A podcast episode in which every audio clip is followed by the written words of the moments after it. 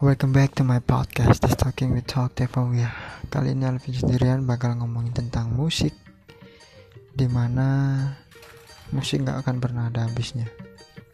Salah satu musisi legendaris yang pernah dimiliki Indonesia yaitu almarhum Krisya dalam kancah musik tanah air mungkin nama Krisman Syahradi menjadi salah satu legenda dia dilahirkan di Jakarta 16 September 1949. Tak mengejutkan bila sosoknya pernah terlukis pada Google Doodle Heart pada tanggal 16 September karena itu sebagai peringatan 70 tahun kelahiran seorang Krisya. Krisya barangkali tidak pernah mengira cover mengcover lagu bakal merebak seperti yang terjadi pada 10 tahun belakangan. Penyanyi yang terkenal dengan Krisya itu telah meninggal pada 30 Maret 2007 silam. Namun, karya musik dan lagu yang dibawakannya membuat keberadaannya berkesan.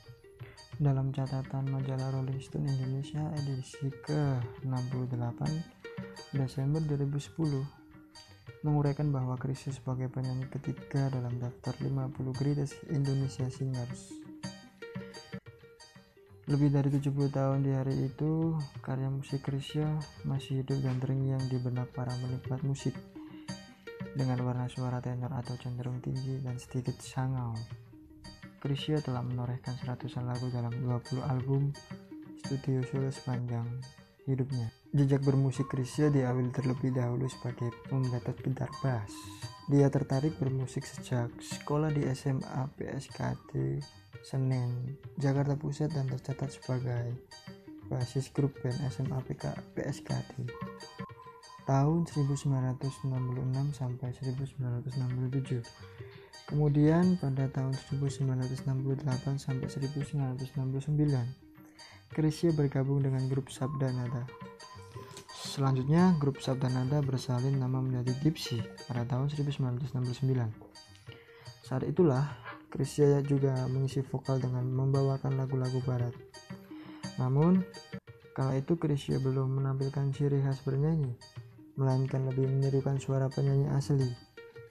Ini dipengaruhi penilaian di masa itu bahwa semakin mirip dengan penyanyi asli, dipandang semakin baik.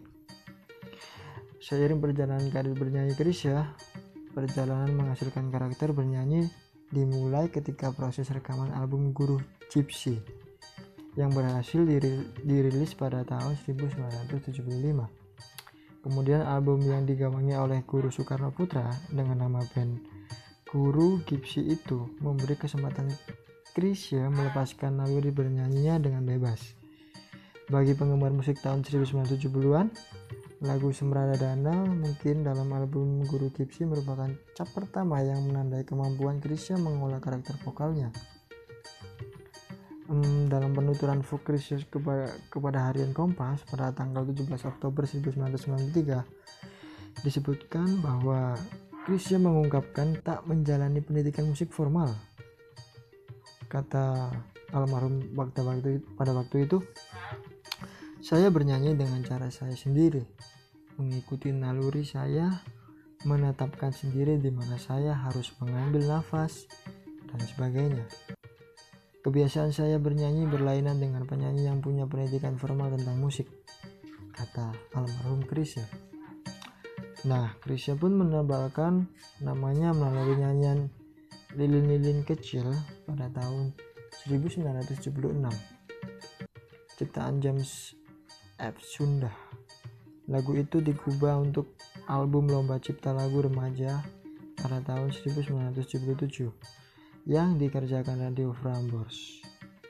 Karakter vokal dan warnanya dan gaya bernyanyi Krisya makin terbentuk dalam album selanjutnya seperti judul Jurung Pemisah pada tahun 1977, Badai Pasti Berlalu yang pada tahun yang sama, hingga Sabda Alam, Sendiri Lagi, dan yang album terakhirnya yang pada tahun 2004 yaitu Senyawa. Itulah sedikit cerita tentang legenda musisi Indonesia seorang almarhum Grisya. Setelah saya ceritakan, mari kita dengarkan lagu dari Grisya yang berjudul seperti yang kau minta.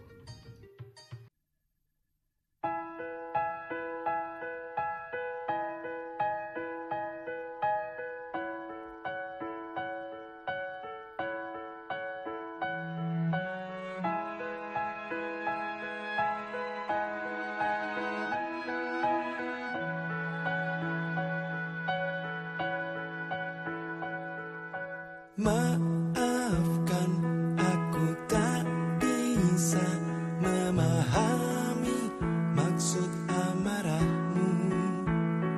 Membaca dan mengerti isi hatimu.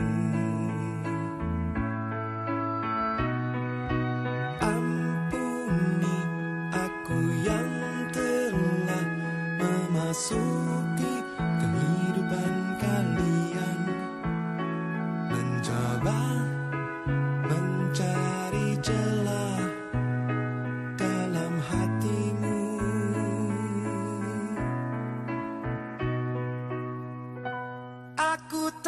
aku tak